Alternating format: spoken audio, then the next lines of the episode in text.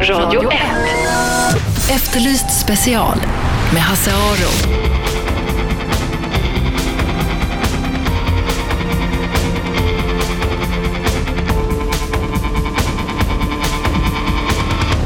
Välkomna hit till Efterlyst special idag på tisdags förmiddagen eller eftermiddagen eller i övergången mellan förmiddag och eftermiddag.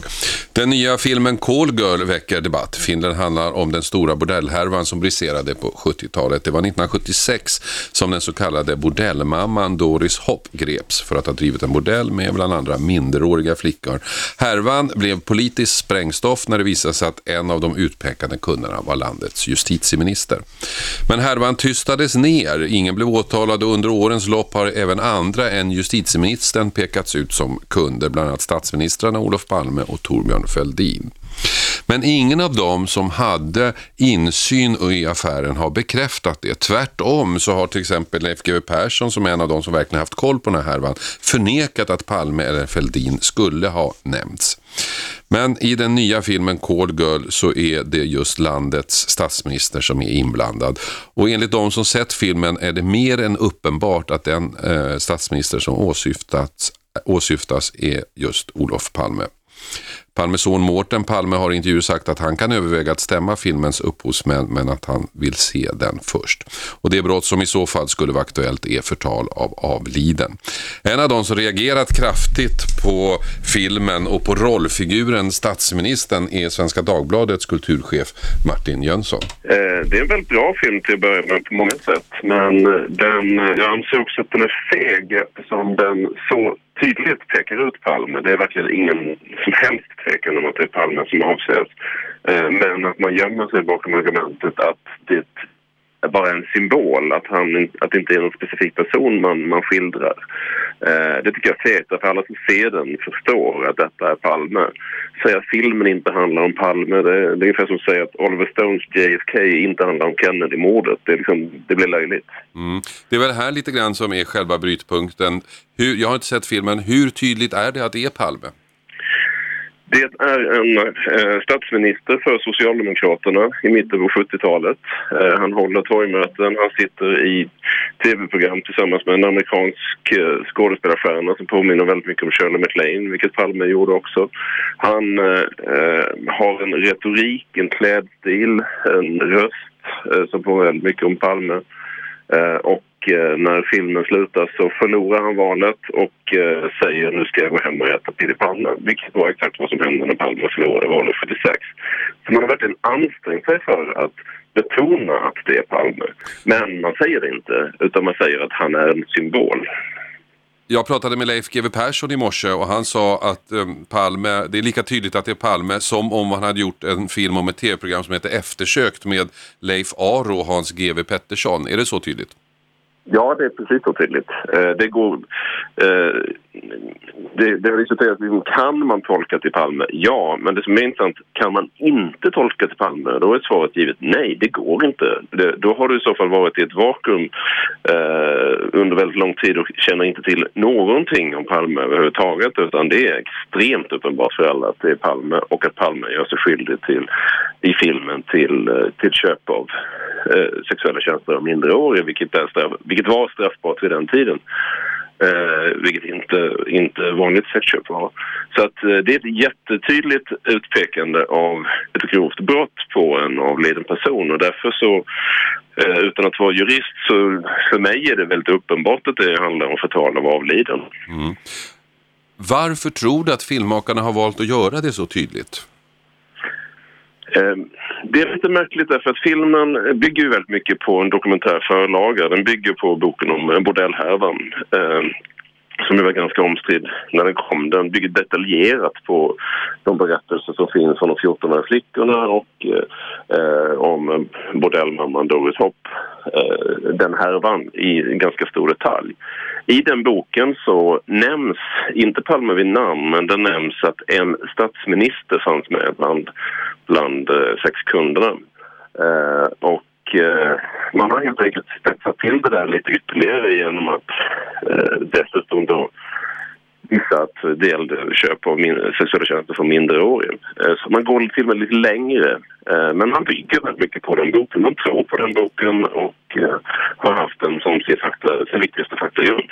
Mm, och den boken var ju som du sa omstridd redan när den kom just för att den pekade ut människor som, som andra som är insatta i affären hävdar inte var inblandade.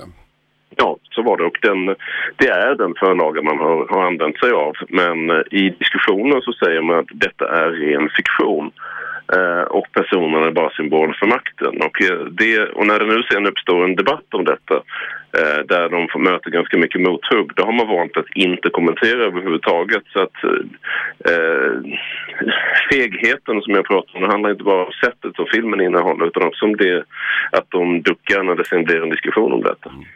Men det finns ju i filmhistorien massor med historiska filmer där man använder sig av, av människor som har funnits och, och tillskriver dem egenskaper eller saker de har gjort eller repliker som man inte kan veta är sant. Så det finns ju i genren en slags frihet att ändå tolka eh, historien. Vad är skillnaden med det här tycker du? Skillnaden med det här är att eh, det är en så grov kränkning. Eh, det är en kränkning både av anhöriga och av bilden av, av Olof Palme. Så att eh, om man ändrar uttalanden eller antyder att historien kunde ha gått till på ett annat sätt i, i spelfilmer så kanske det inte är så allvarligt. Men i det här fallet så är det ett oerhört allvarligt utpekande och det är ju faktiskt ingen skillnad rent juridiskt eh, om detta är i en, i en tidningsartikel eller i ett faktaprogram eller om det är en spelfilm utan om utpekandet är tydligt och eh, innehållet är kränkande då, då kan det klassas som förtal. Mm. Om man hade gjort den här filmen och haft med en statsminister som hade köpt sex men, en, men gjort honom totalt olik Olof Palme, hade det varit skillnad? För det fanns ju, det var... bara, en, det fanns ju ändå bara en statsminister. Det hade varit, varit eh, stor skillnad eh, därför att det har ändå funnits flera statsministrar. Om man då hade gjort ansträngt sig för att just eh, maskera tiden och personen lite grann eh, då hade man inte så, så glasklart kunnat säga vem det var som åsyftades. Men här har man gjort precis tvärtom. Man använder eh, samma typ av kläder, eh, scener, citat bara för att just betona att det är Olof Palme. Eh, och det, det är en stor skillnad. Är han den enda som pekas ut i filmen? Nej då, det finns många andra lätt identifierbara personer och eh, de eh, förstärker ju i sig också att det handlar om Palme. Det är allt från Lennart Geijer och Ebbe Carlsson och eh, eh den som kan sin samtidshistoria kan peka ut namnen på de flesta polischefer och myndighetspersoner och minister. Eh, men det som den anklagelse som, som är grövst och som inte tidigare på något sätt har kunnat beläggas eller, eller debatteras, det gäller Palme. Mm, för det är väl ganska viktigt att komma ihåg att när den här affären briserade och, och när den var som mest så fanns, fanns det ingen som eh, inte ens antydde att just Olof Palme skulle ha varit med. Nej, Palme var ju naturligtvis inblandad på så sätt eh, att han var involverad i hanteringen och mörkläggningen om man så vill av, av den här affären och med att, eh, att skydda att detaljer skulle komma ut. Eh, så det är inte så att Palme på något sätt var helt oskyldig i den här härvan. Eh, men det är ganska stor, stort steg från att man har ägnat sig åt, åt eventuell mörkläggning till att man har begått ett, ett grovt brott som att köpa sex av minderåriga. Mm. Tror du att det blir åtal? Ja, jag tror det blir åtal. Eh, det är upp till Mårten Palme, men han har sagt att han ska se filmen i veckan och eh, han har ju tidigare sagt att baserat på vad han har hört så är detta tydligt utpekande och det tycker han inte är acceptabelt. I så fall så kommer han väcka åtal och eh, det finns ingenting i filmen som lär få honom ändra sig utan snarare förstärka det tror jag. Men det är naturligtvis upp till honom om han vill ta den, striden. Han kan ju också känna sig nöjd med att debatten eh, debatten blivit så pass stark som den nu har blivit. Men eh, om det blir ett åtal så tror jag att det blir eh, att filmen kan fälla ett resultat. Sa alltså Martin Jönsson, kulturchef på Svenska Dagbladet. Detta med anledning av filmen Call Girl som behandlar den stora bordellhärvan i mitten av 70-talet och det som har väckt mest diskussion i den här är att den statsminister som skildras i filmen är väldigt lätt identifierbar som Olof Palme, även om det inte sägs rent ut. Och Martin Jönsson menar alltså att det här är eh, ett fall av förtal av avliden. Nils Funke är yttrandefrihetsexpert och eh, med oss på telefon. Förtal av avliden, vad är det för någonting Nils? Ja, det är ju då när man eh, utmålar någon som eh, eh, brottsling eller att man eh, lämnar uppgifter som kan riskera att den avlidnes minne och att den avlidne då indirekt så att säga blir utsatt för andras missaktning. Mm. Så det måste inte vara så att man pekar ut någon för en brottslig handling? Nej, det behöver inte vara brottslig handling utan det kan inkludera också andra uppgifter som då kan vara integritetskänsliga eller som, som just att det kan leda till att andra ser på den här personen som eh, med missaktning. Att man då helt enkelt raserar en social status som en person har, vare sig det handlar om en byggnadsarbetare eller en kung eller eller som i det här fallet då en avliden statsminister. Mm. Nu sägs ju det ingenting om hans namn i den här filmen, han namnges ju inte. Spelar det någon roll? Det är fullständigt uh, ovidkommande om namnet ges eller inte. Det centrala är om det är möjligt att så att säga identifiera vem den här personen är Eh, genom andra uppgifter. Och eh, i det här fallet, utan att ha sett filmen, så eh, verkar ju fullständigt övertygande om att eh, det kan inte vara någon annan än Palme. Det är förlagt i 70-talet. Eh, eh, till och med eh, vissa uttalanden ordrätt eh, återgivna etc. etc. Men eh, Eh, filmhistorien är full av exempel där man har utgått från verkliga händelser och skapat en, en, en fiktiv historia i den här verkliga händelsen. Man skulle kunna tänka sig att man gjorde till exempel en, eh, en film om eh, den strandade ubåten U137 och sen så har man en statsminister med där och då, då fanns det ju bara en statsminister. Hur långt får man gå? Ja, alltså man kan ju gå väldigt långt och det är klart konsten och, och filmkonsten och, och, och de som eh, producerar dramatik, eh, vare sig det är för scen eller film, ska naturligtvis ha en väldigt stor frihet att tolka och omtolka historien.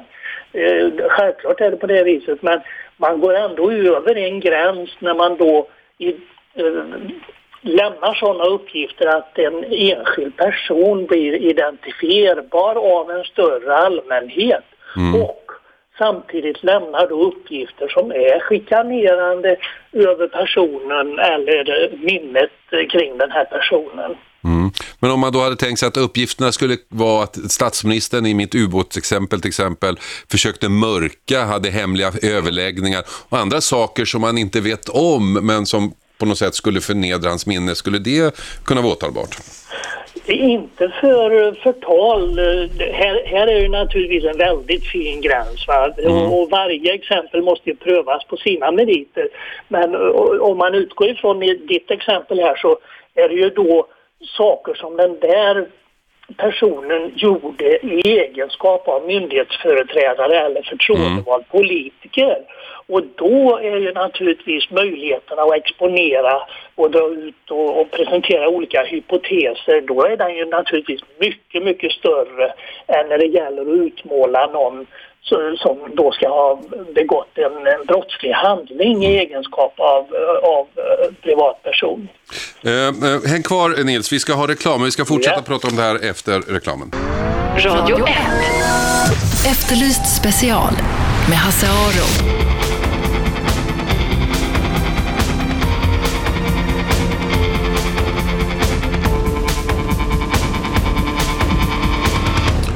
Välkomna tillbaka till Efterlyst special. Vi pratar alltså om filmen Call Girl som väckt debatt, inte så mycket för sitt innehåll utan för att filmen, hävdar många, pekar ut statsminister Olof Palme som en av dem som köpte sex av eh, minderåriga prostituerade. Och det här är en uppgift som förnekas av folk som eh, eh folk som eh, är insatta i den här affären. Till exempel Leif GW Persson har ju sagt att eh, Palme aldrig var aktuellt som kund.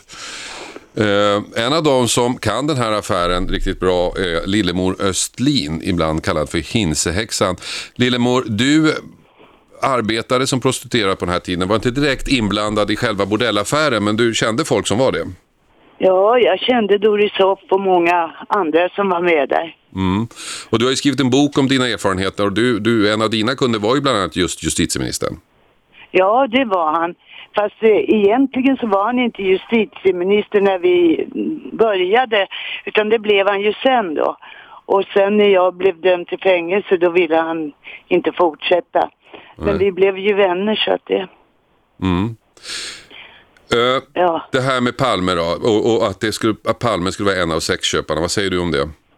Ja, jag har då aldrig någonsin hört talas om Palme i de sammanhangen.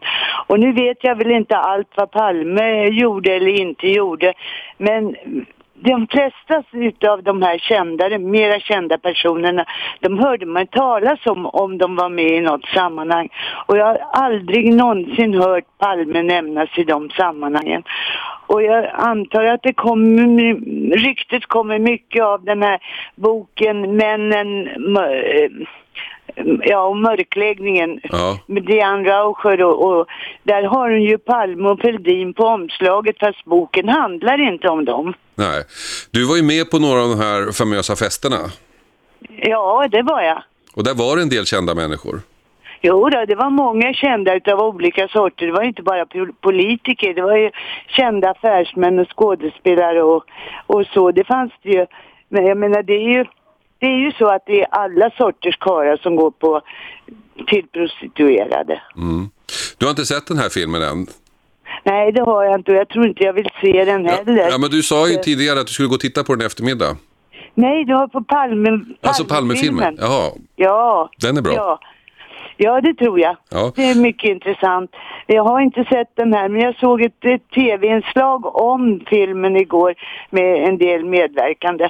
Och jag tycker det verkar, ja, jag vet inte, jag har inte så stort intresse av det, men det är svårt att uttala sig om en film som man inte har sett. Nej. Men du, när du gick på de här festerna då, om det var så att någon av dina kompisar hade haft statsministern eh, eller, eh, som kund, tror du att du hade fått veta det då? Ja, det tror jag säkert. För vi pratar ju om allt möjligt. Alltså vi som var kollegor, eller hur jag ska uttrycka mig fint här nu då. Eh, Vi pratade ju om allt och, och, och om somliga människors se, sexuella underligheter och så vidare. Jag hade alldeles säkert fått hört det. Men jag har aldrig hört om varken honom eller Fälldin. Nej, det, har ju fungerat andra namn och menar du skulle de stämma bättre? Ja, inte direkt i den, den regeringen som var på den tiden i alla fall. Inte som jag kan eh, påstå. Nej. Så den enda du känner till, det- det var justitieministern innan han blev justitieminister? Just det, just det, så är det. Mm. Och sen är det väl möjligt att han har varit på, det, det kan jag inte svara på. Nej. Men det, det är väl inte alldeles otroligt kanske, men det är så, kan jag kan ju inte säga det. Var det några tv-kändisar med? Ja, det var det.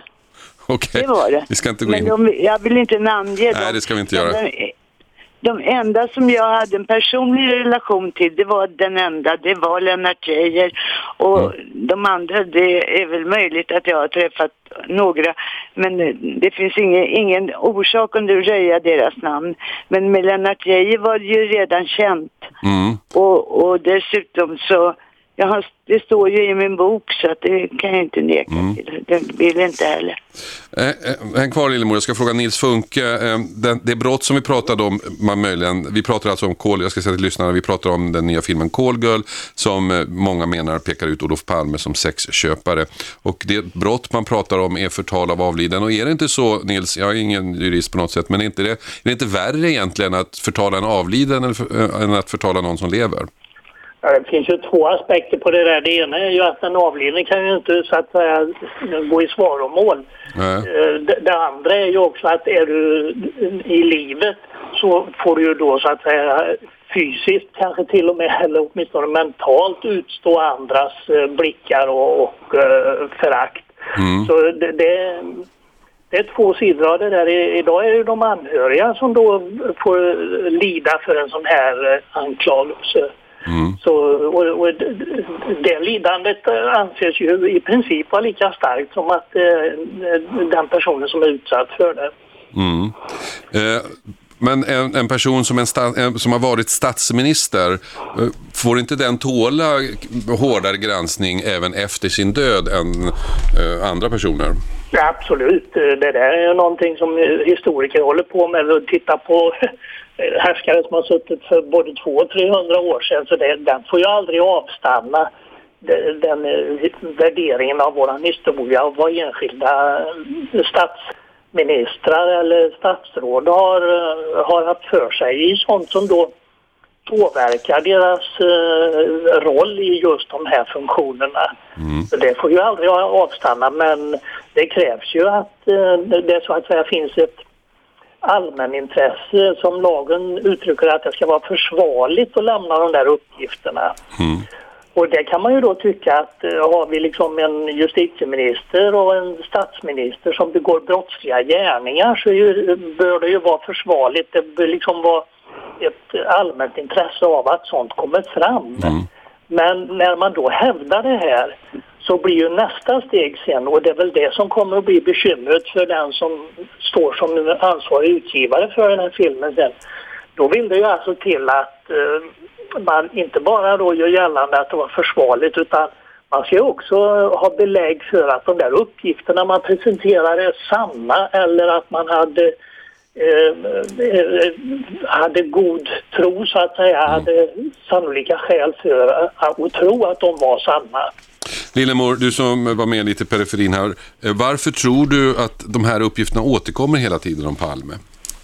Ja, det är väl det där gamla Palmehatet. Det var väl det som gjorde att han blev skjuten. Det efter vad man kan tro i alla fall. Mm. Och det är naturligtvis, det är väldigt spekulativt att nämna statsministern i sådana där saker. Och helst skulle han väl vara pedofil också, men det, det där är inte sant. Det är inte sant. Men varför, varför, varför är det ingen som lyssnar på er då som säger att nej men det här, det här var inte så? Ja, jag vet inte. Det är väl det där gamla Palmehatet. Jag, jag kan inte tro att det är någonting annat. Och så det, det är spekulationer och att han står där på den där bokens framsida på, på, mm. på, på omslaget. Det är väl för att sälja boken. Så det är nog rena krassa ekonomiska och ja, det, det, det är fult. Okay. Jag, jag, jag, kan ju tycka att det, det, är lite synd att det nu blir fokus på de här anklagelserna ja. som ju rimligen är, eh, är tillkomna i, i skallen på någon och inte har någon verklighetsbakgrund. Det förtar ju liksom en mm. väldigt eh, seriös fråga och det handlar ju om det, Palmes insatser när det gällde att mörka hela den här affären. Det hade ju liksom varit nog dramatik i att skildra statsministern i den rollen än och därtill också då uppenbarligen pådyvla honom eh, att han skulle då ha begått en brottslig gärning och köpt sex av underåriga. Okej, okay. tack så mycket Nils för att jag fick ringa. Tack Lillemor, alltid trevligt att prata med dig. Ha det bra, ja, hej då. tack själv. Hej hej. Um, detta alltså om filmen Call Girl som eh, enligt många pekar ut Olof Palme som sexköpare. Ni lyssnar på Efterlyst special 101,9 Radio 1. Efter pausen ska vi prata om en mycket märklig rättegång som pågår i Stockholms tingsrätt.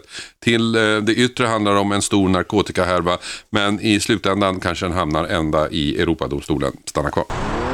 Radio 1. Efterlyst special med Hasse Aro.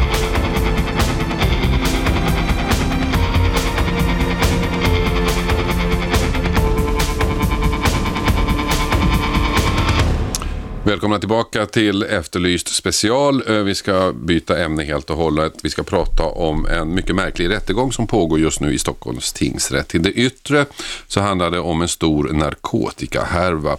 2010 så greps en svensk ensamseglare i Västindien med 1,4 ton kokain i båten. Detta ledde till, det största, till den största narkotikautredningen i svensk rättshistoria. Nu pågår rättegången i Stockholms tingsrätt mot åtta misstänkta. En av dem är, som är åtalad är den 40-åriga man som har erkänd under namnet Jonas Oredsson. Han har då i pressen och av åklagaren pekats ut som huvudman i kokainligan. Han är ju sedan sin tonår känd av polisen.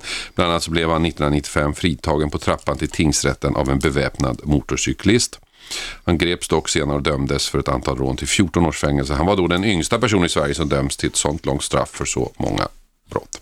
2004 lämnade han Sverige och eh, 2010 grips han alltså misstänkt för att vara huvudmannen i det kokainmål som nu pågår i Stockholms tingsrätt. Målet skulle alltså handla om knarksmuggling men det har kommit handla om så mycket mer än så. Det visar sig att polisen har använt sig av eh, undercover-spaning, hemliga agenter, buggning och samarbete med andra länder. Buggningen tycks inte ha gått rätt till. Beslut om den har inte fattats på ett riktigt sätt. Utrustningen har skötts av personer som inte hade rätt att göra det. Förhören med hemliga undercover-poliser har hemligstämplats och försvaret inte får se eh, dem. Detta på grund av löften till USA och ett annat eh, land som man inte får veta namnet på. Och så här håller det på. Rättegången har mer och mer kommit att handla om vilka hemliga spaningsåtgärder polisen får använda sig av och hur mycket åklagaren kan använda sig av utan att låta försvaret ta del av det. Försvaret hävdar att hela processen har utvecklats till ett, till ett brott mot Europakonventionen. Advokat Thomas Martinsson och Tobias Enoksson är eh, försvarare, är några av försvararna, det är flera försvarare i den här eh, rättegången. Och eh, Thomas, eh, kan det här vara ett brott mot Europakonventionen? Ja, enligt eh, mitt förmenande så är det eh, ingredienser i det här hanteringen av det här målet som definitivt beskär min huvudman från hans rättigheter eh, och att han inte har så att säga kommit i åtnjutande av en fair trial. Mm. En, en rättvis rättegång alltså? Ja. ja. Eh, Tobias, vad är det då, kan du ge exempel på saker som ni reagerar på? Ja, alltså bristen på uh, insyn i utredningen är ju ett bra exempel. Eh, den bristen samt eh, det som Europakonventionen pratar om equality of arms, alltså man ska ha tillgång till samma material. Mm. Det blev på ett ganska tidigt stadium uppenbart att försvaret inte har samma material som åklagarsidan har. Mm. Och sen har åklagarsidan förklarat det här på en mängd olika sätt. Och sen så allt som arbetet har fortskridit från vår sida har vi märkt att flera av de förklaringar som har lämnats inte stämmer mm. när det gäller insynsmöjligheter och tillgång till material som då åklagarsidan har som inte vi har. Men om man nu ska vara lite krass, alltså eh, ni är försvarsadvokater och jag har varit på tillräckligt många rättegångar för att se att försvarsadvokater försöker alltid, eh, ett angreppsmetod är att hitta fel i, formella fel och därmed liksom eh, eh få rättegången ogiltigförklarad eller vinna den. Du ser ju i Södertälje var det en framgångsrik taktik. Eh, ett annat eh, är, eller det är ett sätt man kan göra och det är det ni gör här. Kan ni vara lite mer konkreta? Eh, vad mera exakt är det som ni menar att åklagaren har gjort och som förvägrar er klient hans rättigheter?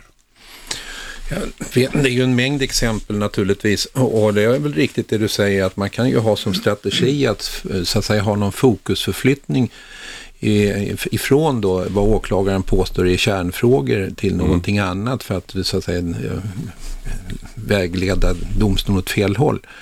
Men grundförutsättning för all lagföring och för, för en svensk domstolsprocess det är ju tanken på att verkstadsgolvet, det vill säga parterna, åklagare å ena sidan och den tilltalade genom försvararna ska ha tillgång till samma material och att man på det sättet ifrån domstolens sida ska få den bästa belysningen.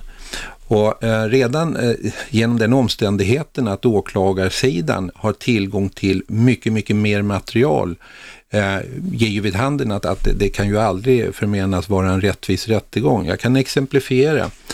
Eh, den här utredningen har pågått ganska länge Eh, enligt uppgift, det har också varit lite svårt att eh, få klarläggande besked från åklagaren, men eh, eh 2008 ska alltså säga aktiviteterna ha, ha rullat igång på allvar. Och då eh, när man pratar om de aktiviteter som då utredningsapparaten, det vill säga staten genom åklagaren vidtar, så finns det ett ganska enkelt sätt att få koll på, eller i vart fall möjligheter till insyn hur utredningsarbetet har, har fortskridit. Och eh, på ett tidigt stadium, innan vi till och med hade rullat igång huvudförhandlingen, så eh, eh ville jag ha tillgång till vad man kallar för DUR. DUR 2, det är en slags diarieföring över samtliga åtgärder som, som så att säga har vidtagits för att kunna se eh, hur händelseförloppet, kontakter med mera. Eh, efter mycket debacle och många olika förklaringar från, då, från åklagarsidan där man inte förstod min fråga, man visste inte vad det var, det fortskred att om jag skulle få hela den här duren, eller försvaret rättare sagt, då skulle det, eh, hela eh, polishusets dataterminal haverera. Och sedan så småningom så eh, tvingades den situationen fram att, att man la in en dur två i slasken eh, och den var från 2010. Och eh, skälet till eh, att vi då bara fick en dur som eh, omspann en del av eh, förundersökningen, det var ju flera år som, som saknades, två år i alla fall, då var den sekretessbelagd. Och på det här sättet har i stort sett varenda sak som eh, försvaret har eh, kunnat ana sig till i vissa fall. I vissa fall så kunde man hitta information i den befintliga utredningen.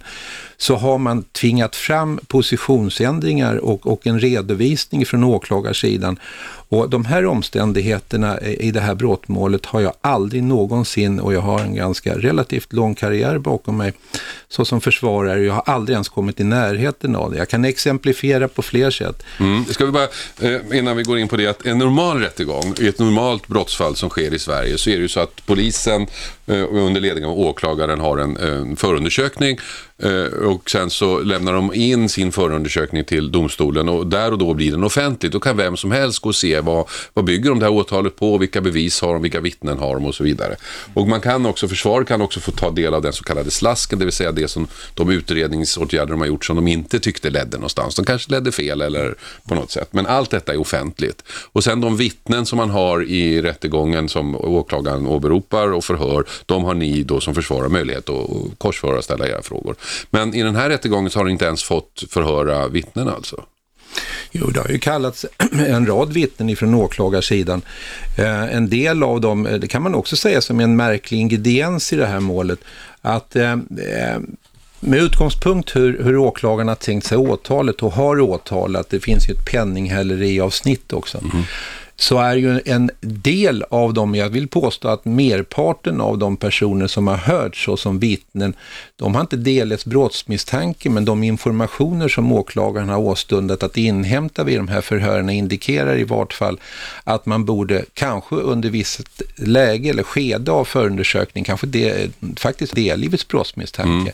Men då väljer man istället att kalla in som vittnen och så underlåter man att, att, att delge brottsmisstanke för att på det sättet möjliggöra den här typen av bevisföring. Mm. Eh, sedan om du önskar få en, en provkarta, det är rätt många så jag får väl ta det fritt ur minnet.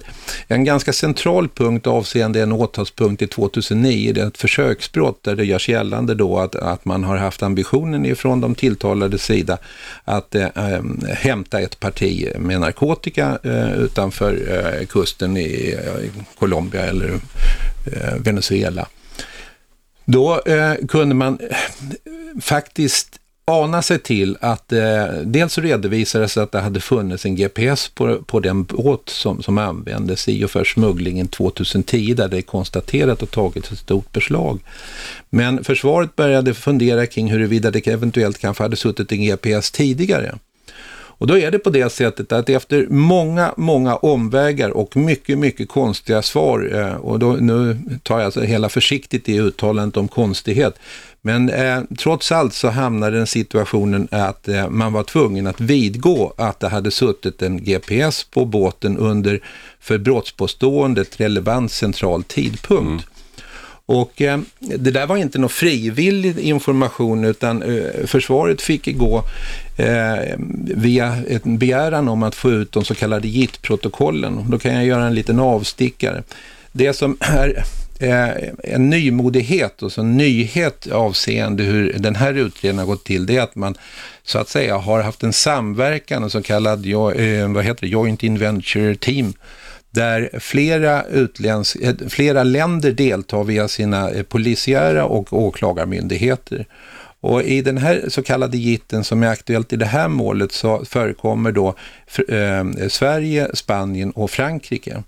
Och även så som deltagare i en del möten har vi fått oss till livs att eh, DA eh, också har förekommit. Mm. Och då kan man, och det kanske är, för allmänheten, de som kanske resonerar att eh, man är skyldig bara genom att bli åtalad, så kanske man skulle kunna väcka någon form av intresse för rättssäkerheten för framtiden. Och det här samarbetsformen, det, det leder ju till då att eh, olika länder deltar och man väljer och vrakar eh, hur man ska åtala. I det här fallet då så har Sverige tagit hand om knark och en del av penninghäleriet. Och det innebär också att eh, delar av den totala utredningsmassan, den finns parkerad i de länder som har deltagit i det här.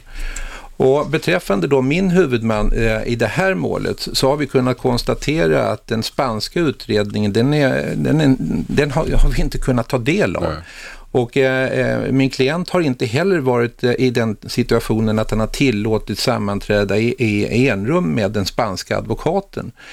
Och härigenom så har man ju fått, eh, behöver man ju inte ens ha olika uppfattningar för det går inte att ha. Alltså Falk eh, Oredsson, min huvudman, han, har, han är bestulen möjligheten att kunna värja sig inför de brottsanklager mm. och, och försvaret har, hamnar ju i en fullkomligt orimlig situation för att vi blir hänvisade till vad åklagaren tycker är lämpligt att plocka fram ifrån de utredningar som inte ligger i Sverige. Sen kan man därtill lägga, vilket du också upplyste eh, alla om, att den, FUPen eller förundersökningen, det är den del, man kan väl säga att det är åklagarens arbetsmaterial och det är den som lämnas in. Sen finns det i det här målet ett mycket, mycket omfattande material och jag vill påstå att slasken är minst lika omfattande sidmässigt mm. eller innehållsmässigt. I slasken har vi kunnat konstatera att nästan i stort sett all bevisning som vi har velat så att säga eh, ta fram för att visa på min huvudmans oskuld, det har vi hittat i slasken. Mm. Ett mastodontjobb med tanke på den, den enorma informationsmängd. Vi har i stort sett gått igenom nästan allt material. Det finns, det finns fortfarande material som, som här i Sverige, slasken, som vi kanske inte har fått ta del av, eller i vart fall inte haft möjligheter. Telefonsamtal etc. etc. Och i det materialet som ligger då förborgat i slasken så har vi kunnat visa, enligt mitt förmenande, på att vissa av åklagarens påståenden eh, avseende ansvar och skuld har kunnat dementeras och tillbakavisas.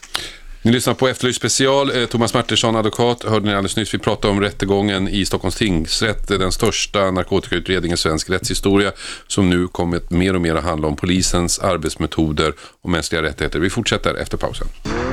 Radio 1. Efterlyst special med Hasse Aro.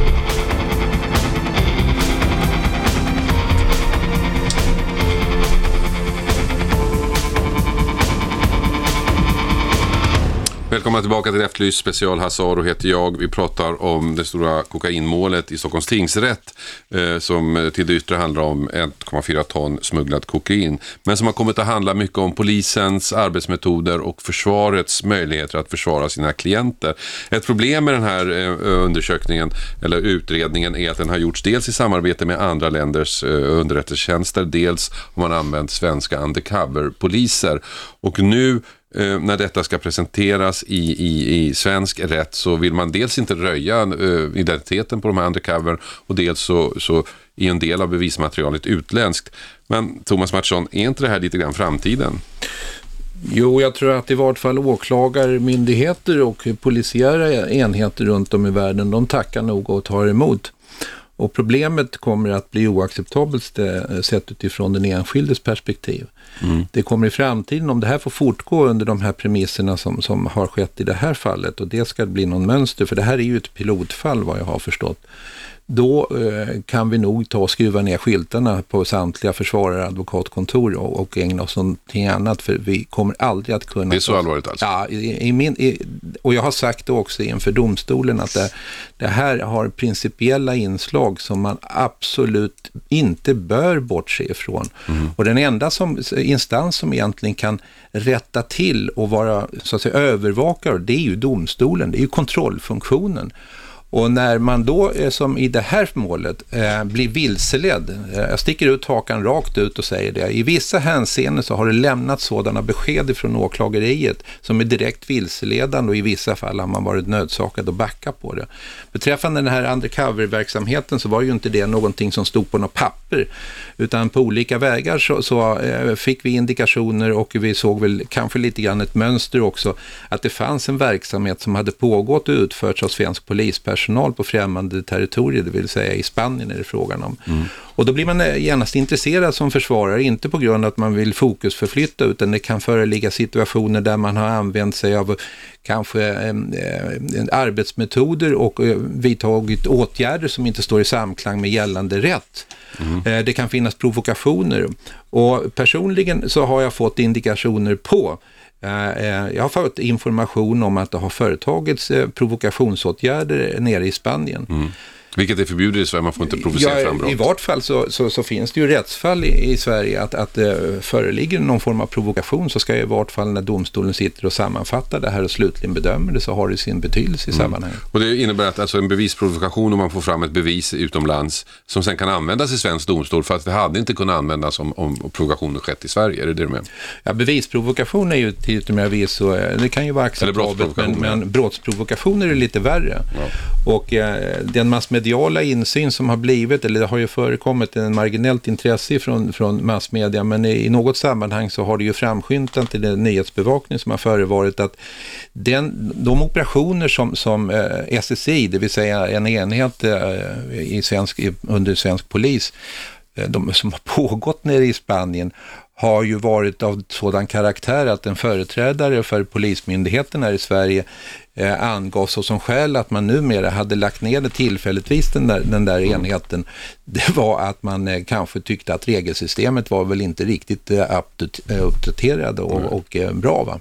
Nu har ju ni sagt det tidigare och eh, att det här målet är så principiellt viktigt så att eh, det kan gå vidare till Europadomstolen. Ja, och... då, då handlar det inte om knark längre, då handlar det om mänskliga rättigheter. Ja, i mina ögon, om jag plockar ut någonting som jag skulle kunna tänka mig har ett intresse för samtliga medborgare, det är ju hur vår rättsapparat fungerar och att man ska ha en rättsapparat som de facto gör skäl för namnet. Och då kan man naturligtvis inte ha en, en ordning där, där åklagare och polis bestämmer vilket material man ska presentera och det förutsätter definitivt att, att eh, åklagare, när man har det ansvar som staten har givit dem, eh, lämnar en korrekt information till domstolen som ska avgöra människors öden. Tack så mycket Thomas Martinsson för att du kom hit. 101,9 Radio 1 Sveriges nya pratradio.